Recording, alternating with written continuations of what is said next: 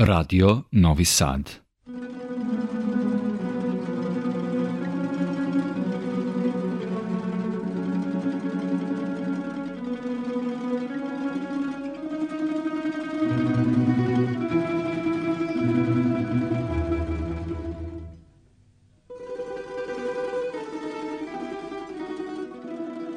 Dobroveče, poštovani slušalci, vi pratite program Radio Novog Sada i još jedno izdanje emisije Vox Humana. Moje ime je Boško Vuta. Kao što ste vi navikli, a mi smo pokušali da ostvarimo koncepcije naše emisije, bazirane na činjenici da o stvarima i ljudima, fenomenima, pojavama u društvu o kojima govorimo, pokušavamo da govorimo tako da izgledaju sagledane iz nekog drugog ugla, iz jedne malo izmeštene vizure, da stvari približimo iznutra i naravno da ne preskočimo ljude dostojne naše pažnje o kojima vredi pogovoriti, ne samo progovoriti, nego ih se setiti jer su često istorijski nepravedno zaboravljeni ili možda malo skrajnute na neku istorijsku marginu. Sa osobitim zadovoljstvom večeras predstavljam vašeg i mog gosta, gospodina Boška Brzića, profesora, bazično učitelja magistra književnih nauka, čiji ceo životni put je jedno veliko književno delo – i njegova postojanost u svemu, mada ste na našem programu mogli da čujete o gospodinu Brziću već nekoliko emisija, isto kao i na našoj televiziji, ovoga puta ćemo pričati o raznoraznim stvarima, sećanjima od pre puno godina jednom čudnom životnom putu prepunom usuda koje je on stoički podneo i onako rekao bih sa iskrenim očekivanjem dobio neočekivanu zahvalnost nakon šest decenija jedne velike nepravde koja mu je naneta. Dobroveče i dobrodošli gospodine Brziću u program Radio Novog Sada. Čas mi je što ste nas počastovali vašim prisustvom. Dobroveče i dobro mi došli. Teo bi da vas pitam za početak, vi ste svojevremeno kao mlad učitelj počeli svoje službovanje u Loku. Rođeni ste kao Iličanin, to moram da kažem. Da. Tako je. Veliki broj vaših knjiga, vaših dela, vaših beseda, predavanja, izlaganja na domaćim međunarodnim skupovima govore o vašem kapacitetu i horizontima kojima ste se bavili. Mene je pre svega privuklo sve ono što ste vi radili, recimo o legendi i bardu naše tamburaške muzike Vasi Jovanoviću, pa vaše prijateljevanje sa samom Vukosavljevim, mnogo toga, zatim monografije posvećene našim slikarima, neki su od njih bili i vaši profesori, koliko se sećam, u Karlovcima sve vremeno. Ali kada ste se obrali u Beočinu, vi ste tamo na zadovoljstvo dece koje ste predavali, službovali do jednog trenutka kada ste uvek svoji i nikada ničiji, jednog trenutka potpuno nepravedno bili otpušteni. To se sa ove distance istorijske može prepisati činjenici da niste bili, kako je ta floskula zvučala, moralno-politički podobni. Jedan od razloga za to bilo je vaše prijateljevanje sa Bloženo počivšim, a sada kanonizovanim usvetitelja, preosvećenim vladikom Arnavom Nastićem ispod čije ikone sedimo, koji je naravno uveden u diptih svetih kao sveti ispovednik i mučenik Beočinski.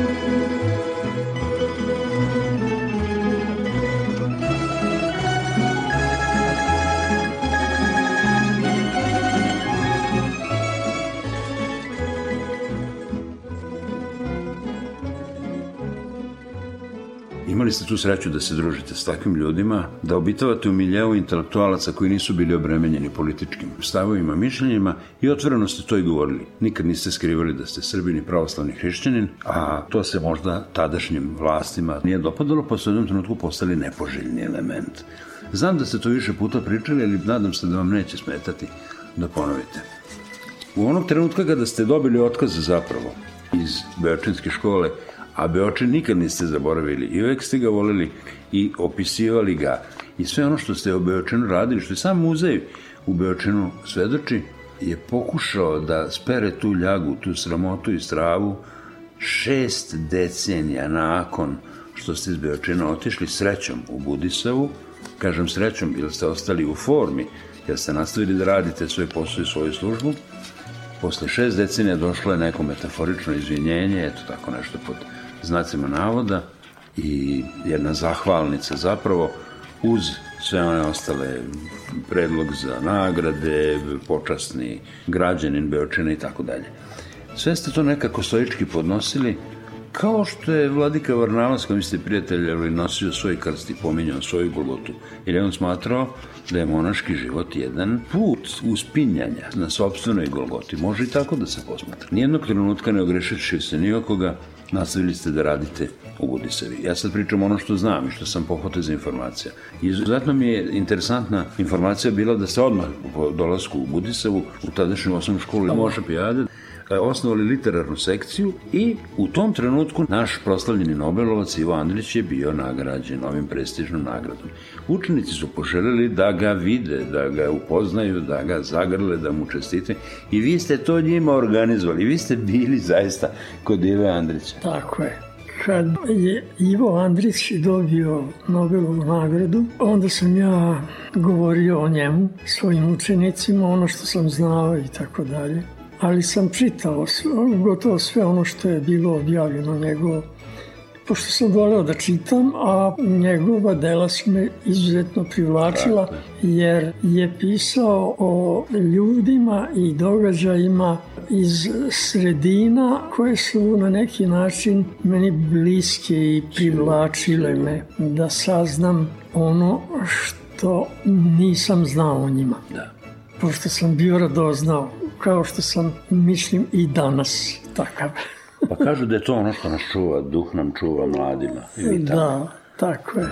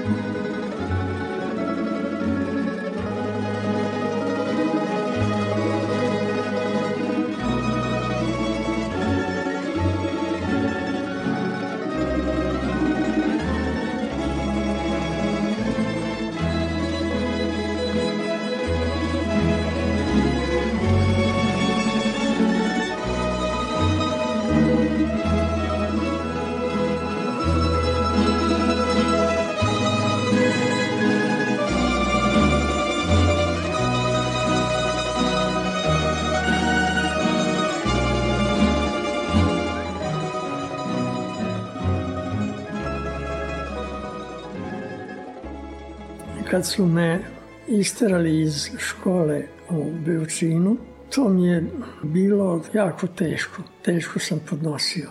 Posle toga godinu, dve dana, tada sam bio vanredni student na filozofskom fakultetu i nastojao sam da što više ispita položim tada, bez obzira da će biti šestica ili desetka. A bilo je i jednoga i drugoga. Jednoga dana pročitam u Novosadskom dnevniku da u osnovnoj školi Moša Pijade u Budisavi traže nastavnika srpskog jezika. Ja sam bio tada absolvent i prijavim se tu. Bila su još dvojica kandidata sa višim školama, obojica. Tako da sam ja ipak, iako absolvent, primljen ovde. Jer se smatralo da je to ipak viši stepen nego viša škola. Tu je bio direktor ovde u Budisovi gde smo sada i gde razgovaramo. Moj školski drug Pavle Gera koji je bio do duše za jednu godinu mlađi u učiteljskoj školi u Karlovcima i kad sam se ja prijavio tu, to je bilo leto, i oni su me primili. Ja samo ćutim i radim, pa sad pretpostavio sam da će se doznati i moja prethodna sudbina. I stvarno, u polugodištu 63. 64. prošlog veka zove mene moj kolega Gera koji je bio ovde, kažem, direktor, zove me u kancelariju da me nešto pita. Pretpostavio sam Stalno sam očekivao ja tako nešto i nisam pogrešio. Kaže on meni, Što ti meni nisi rekao da su tebe isključili iz škole u Beočinu? Ne da su me isključili, nego su me iznogali. Ali meni je potreban posao, ja moram od nečega živeti. Moji roditelji nisu bogati, školovali su i mene i brata i treba negde nešto da radim. Eto, ovde me škola primila i sad ja sam vama svima zahvalan. Kaže ovako, Grupa Budisavčana je bila u pokrajinskom komitetu nedavno i kad su Beočinci isto tamo bili i kad su čuli Beočinci da ima Budisavčana, a oni pitaju Budisavčane, jel, kaže, vi Budisavčani, primili ste tamo u školu narodnog neprijatelja. A Budisavčani pitaju, koji ti je taj narodni neprijatelj? Pa kaže, ste primili Brzića. Jesmo. Mi smo ga iznogali, kaže, gonite to, to je narodni neprijatelj i tako dalje, šta su sve govorili. I sad, kaže Paja, traže od mene da te i ja iz škole. Strašno.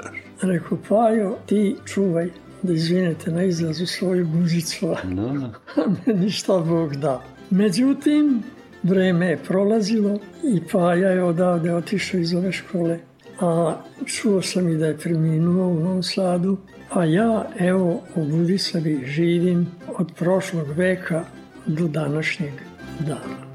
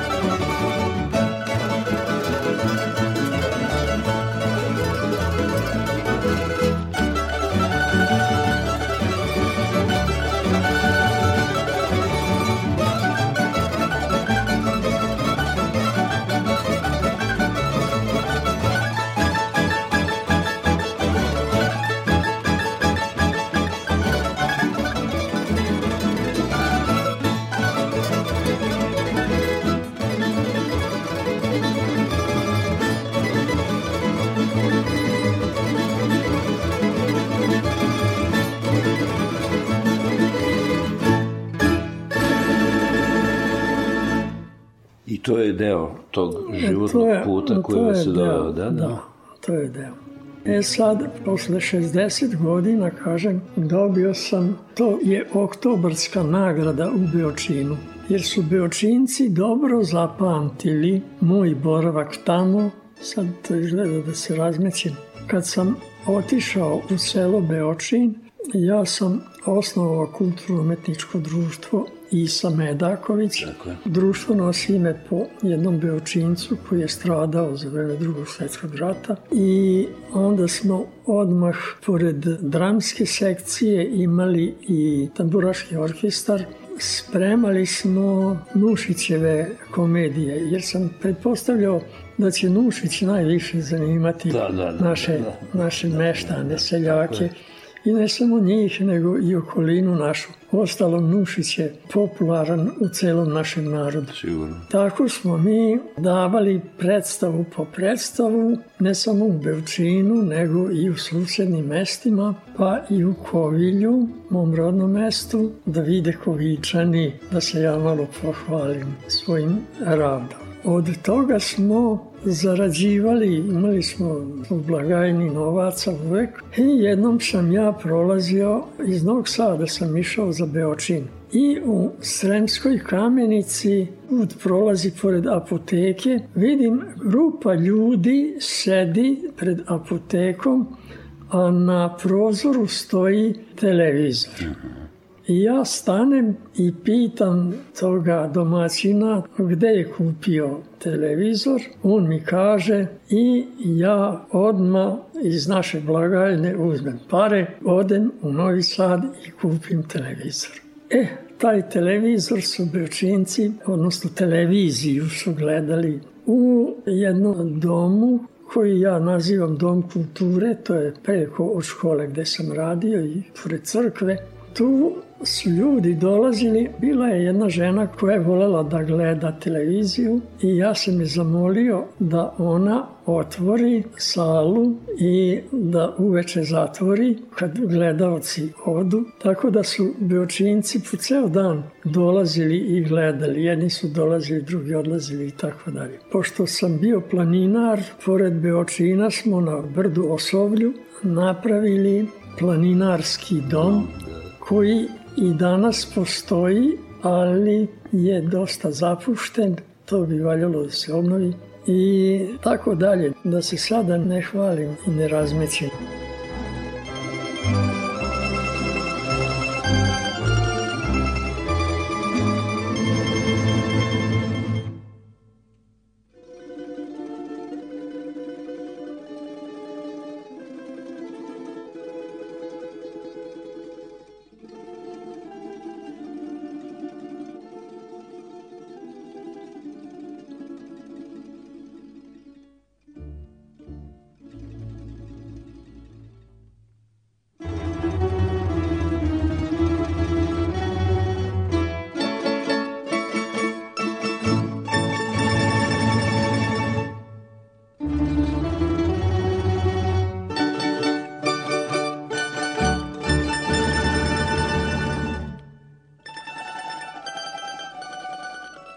Vox Humana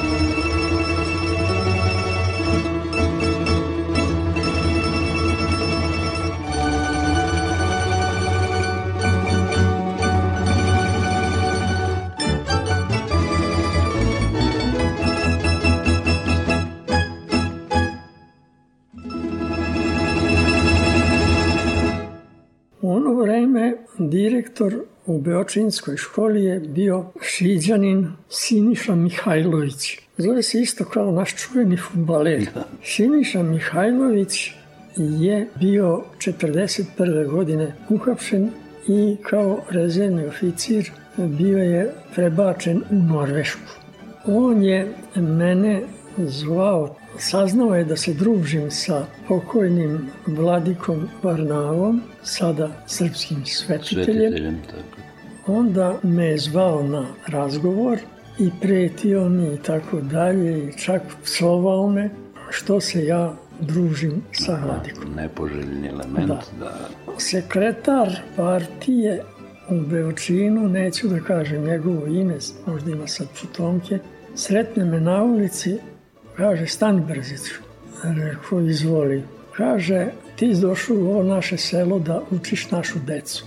Sigurno, baš si pogodio, pa ne bi ni došao. Da, da, pa digne prst, pa počne da preti. Treba da vaspitavaš, kaže, našu decu, a družiš se sa narodnim neprijateljom. A ja, kao da ne znam ko je taj, znam na koga se odnosi. A ko ti je taj narodni neprijatelj? On kaže, ne pravi se lud. Znaš, Znaš ti dobro s kim se družiš. I ode. On na jednu, ja na drugu stranu. To je bio, po mom sudu, glavni razlog što su da. me isterali iz škole. Mada je u formulaciji pisalo samo zbog nediscipline. E, ja sam od opštinskog narodnog odbora, tako se zvao, dobio rešenje jer onda su opštine postavljale prosvetne radnike. Dobio sam rešenje sa potpisom ondašnjeg predsednika gde su napisali da dotični dobija otkaz po sili zakona zbog nediscipline. Mm -hmm, da. Nema obrazloženja drugog, samo to. To je tako, kažem, trajalo sve dok ja nisam došao u Budisa. Pritom ste imali Malo tek, tek, tek rođeno dete, čerku? Da, u Beočinu sam se upoznao i sa svojom budućom, a sadašnjom suprug, suprugom, Milankom Gašić iz Venčana, kod Aranđelovca, tamo je rođena, u Beogradu odrasla. I imali smo već malo dete, devojčicu, kad su me isterali, a vladika Varnava je i Milanku sa detetom dovezao u Ković kod mojih roditelja dva dana pre svoje iznenadne smrti. A ta iznenadna smrt za mene nije nikakvo iznenađenje bilo. Da.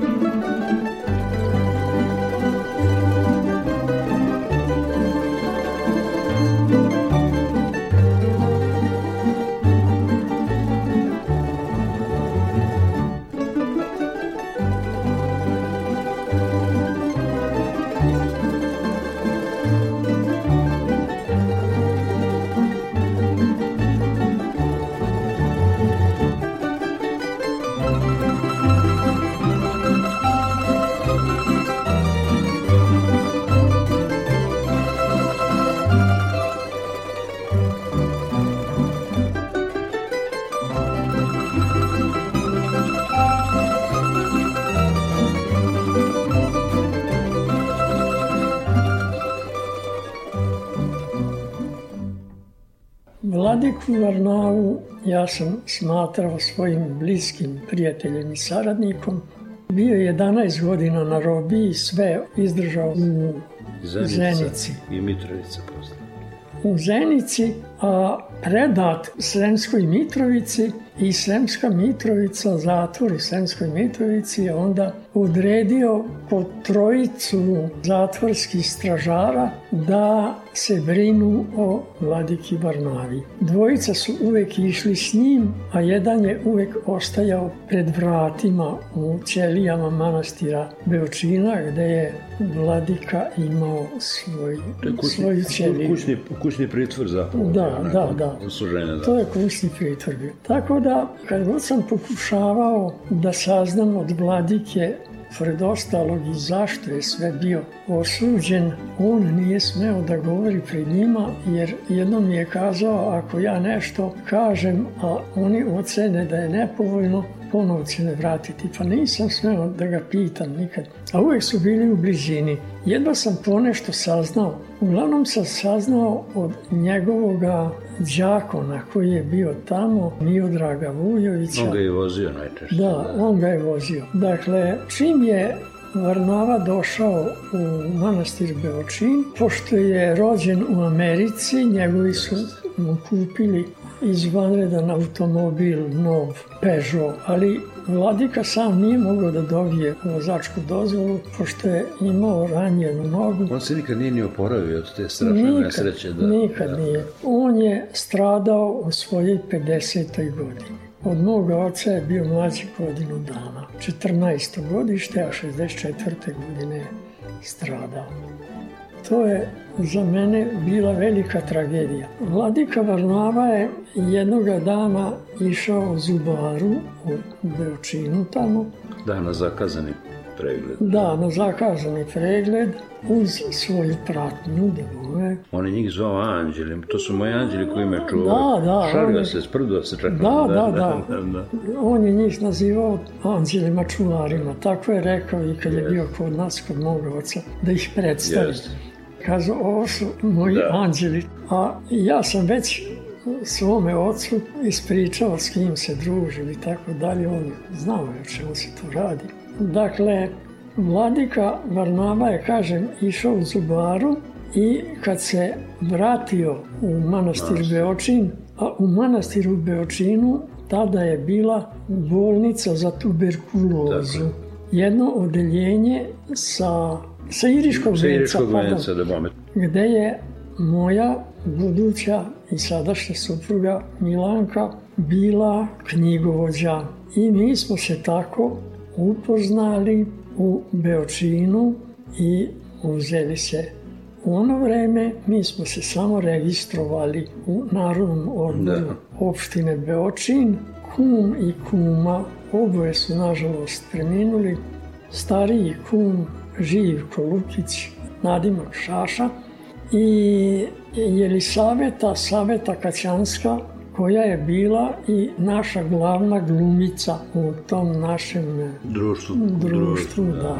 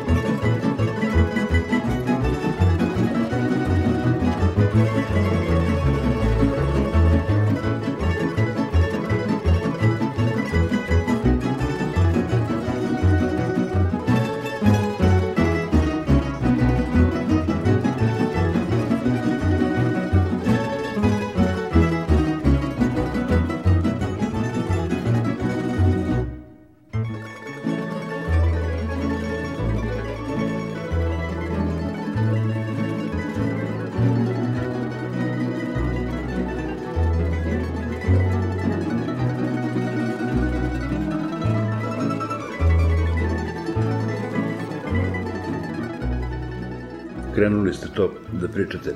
Znači, otišao je kod zubara, vladika? E, da. I došao kući, ili tako da? Došao je, hranio se tamo u tom domu gde i osoblje koje je posluživalo tu bolesnike, oni su tu kuvali pa i njemu davali da jede. Kad se vratio i počeo da jede, samo je kašiku ispustio i pao pod sto.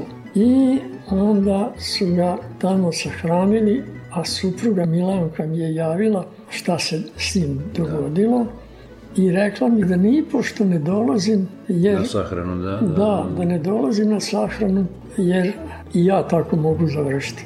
Da. Pošto sam se s njim družio.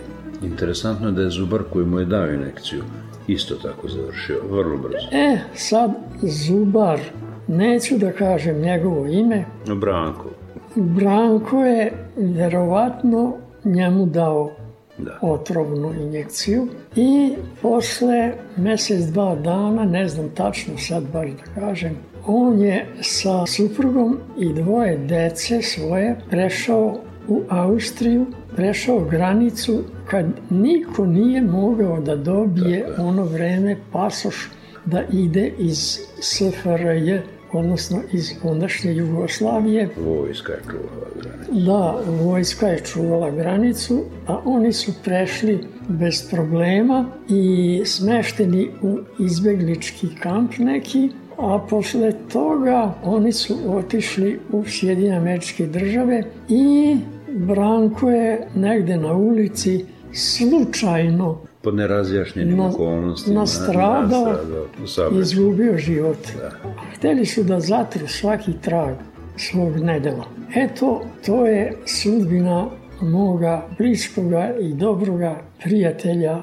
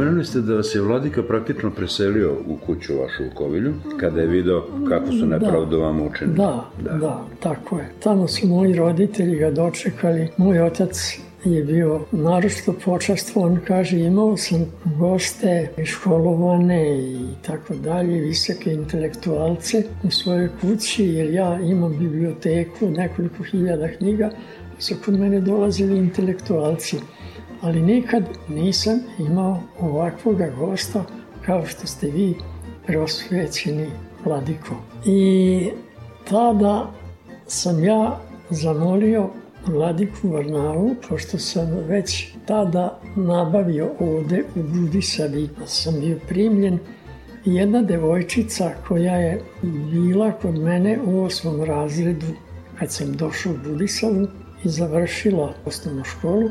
A, postala je knjigovezac, ili tako? Da, ona je otišla da izučava knjigovezački zanat u ondašnju školu koju je Novosadski dnevnik imao sad. On je organizovao tu školu.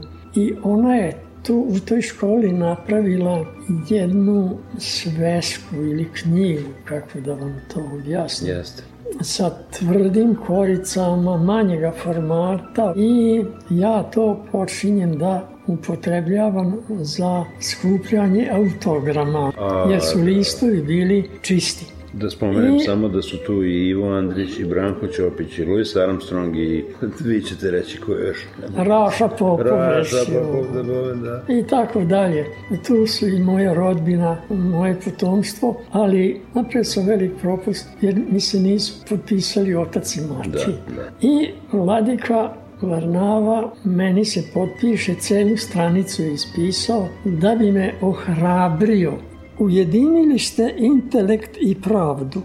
Ne dozvolite da ih nepravda razjedini, ma i pod cenu da vas razjedine i sa samim vašim telom. Dok tako bude, bit ćete jak, čak iako vas na ulicu isteraju. Episkop Varnaba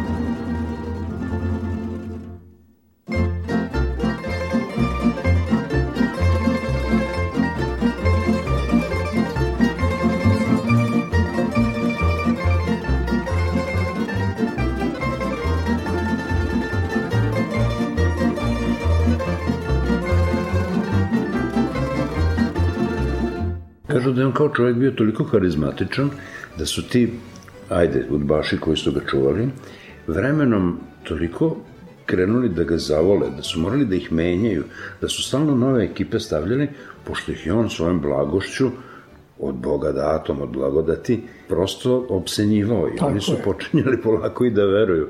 A Tako naravno to su stavljeni da ga čuvaju. Onda oni promene ekipu pa stave novu dvojicu da ga čuvaju. Trojicu. Trojicu, da. Trojicu. Da, da. Trojicu su ga čuvali. Uvek. A dvojica, kažem, išli su sa njim u kolima, kod on mogao da ide ku, ku želi, nisu ga nekad sprečavali, koliko ja znam, da. ali dvojica obavezno idu. I on je meni jedan put kazao da moji anđeli čuvari moraju svaki dan.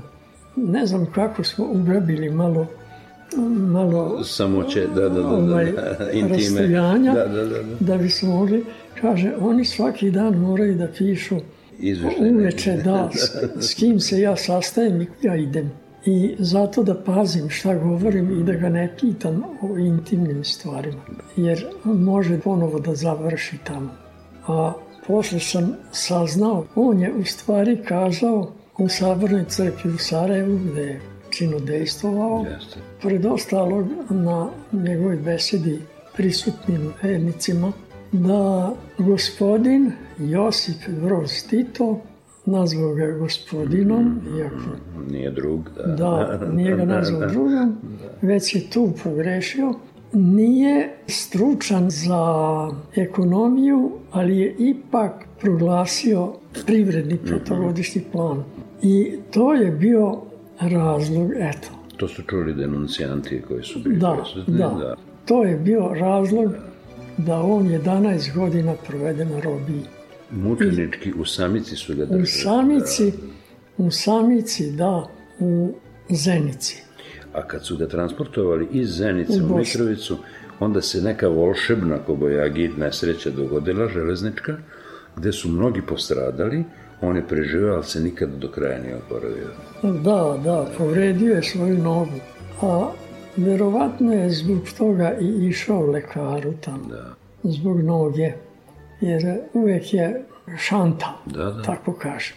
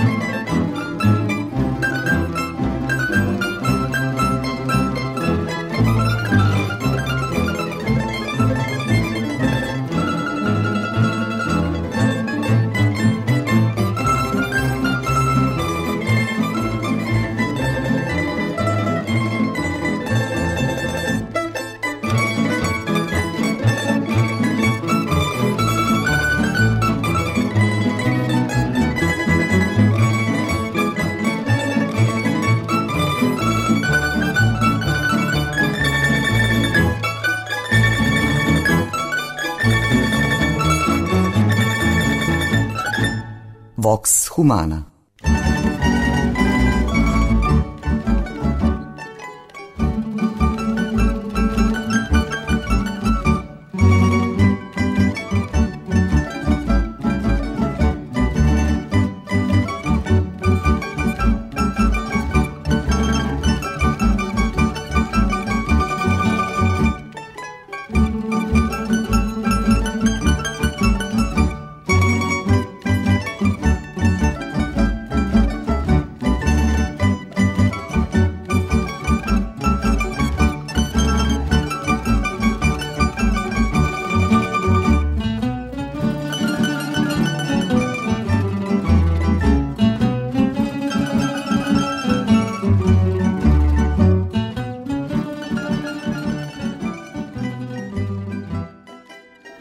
gledao na vaše ova prignuća koja se tiču pisanja, monografija koje ste objavili, ja, ja svih onda, tih plemenitih vaših poduhvata? To su bile prve godine moga rada, ja sam bio još tada mlad. Od 17. godine pišete već? Da, kao učenik učiteljske škole u Karlovcima. Ja sam počeo da sarađujem u vojvođanskom sportu, tako da, se da, zvao. Da, list. Taj list je prestao da izlazi. Ja sam bio njegov dopisnik, pisao o običnim ovim našim seoskim futbolskim susretima, a onda sam tek u svojoj 30. godini objavio svoj prvi naučni rad u zborniku Matice Srpske za da. istoriju. Tako. I tek posle toga ide Kovilju reči i slici, da, pa racija, pa, odnosno Do sada sam objavio sa priređenim knjigama, 15 knjiga, 15 publikacija. Divno. Na primjer, monografije o Vasi Jovanović, kompozitoru i tamburašu, dva izdanja, onda dva izdanja biografskog... A biografski rečnik Šajkaške, Šajkaške da, da. Onda Kovilji Kovilčani u 20. Tako veku, tako. fotomonografija i druge knjige, sad da ih ne ređam. Ali u tim vašim širinama i horizontima negde sam našao podatak da ste volili čak i numizmatiku. Volili ste da skupljate one stare rimske novčiće, kojih ima po našoj Fruškoj gori. Tako je. Da. Tako je. I u Beočinu sam našao nekoliko novčića iz rimskog vremena. Tamo sam kazao i deci, svojim učenicima, pošto su oni imali vinograde tamo okolo i tako dalje, kopalicu i to. Pa sam kazao, deco, ako nađete neki stari novčić, i ako ne možete da pročitate šta na njemu piše, yes. ja vas molim da mi donesete, nemojte bacati. Da. I deca su mi donela pa jednu šaku, prilike tako, sam skupio novčića i onda sam počeo da skupljam i drugi, papirni novac i to. Nije to bilo nekog reda, nego sve do čega sam mogao da dođem. Dakle. Samo da je nešto drugo što već nemam. A da, to je ta radoznalost. Da, koja da, eto to. Je motiv. Bilo da je metalni novčić ili da je papirni. Onda još kažem da sam bio planinar. Išao sam po planinama, bio sam na Triglavu, bio sam na Prokletijama, bio sam na Lovćinu, bio sam na Rili u Bugarskoj, na Olimpu, na Olimpu u Grčkoj, ali nisu hteli da me puste da idem na sam vrh, da. baš da dođem do vrha, nego tamo donek i onda se strmo glavi dole. Eto tako. Svuda sam se trudio da gde god je na tim brdima bio pečat planinarski, da stavim u svoju planinarsku knjigu koju sam tada nosio sa sobom i sad je imam, a imam i člansku kartu planinarsku i tako dalje. Zanimljivo je, da. Eto ovakav to. životni put Tako je vredan romana, romaneska, ne da.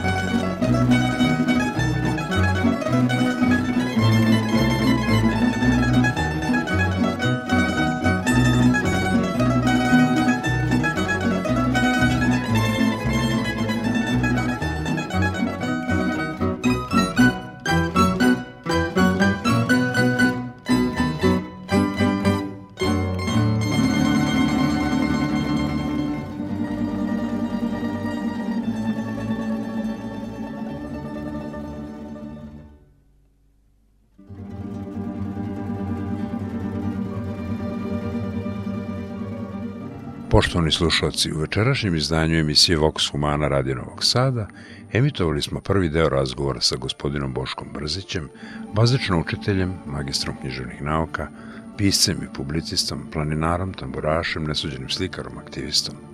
O više nego začudnoj i nesvakidašnjoj sudbini našeg gosta, prepunoj prepleta životnih usuda od disidenta do statusa počasnog građanina Beočina – koji je nenadano uslijedio nakon šest decenija od nanetih mu nepravdi, sa gospodinom Brzićem nastavit ćemo da pričamo u sledećoj emisiji u istom terminu za tačno sedam dana. Do tada srdačno vas pozdravljaju Sabina Nedić i vaš domaćin Boško Buta.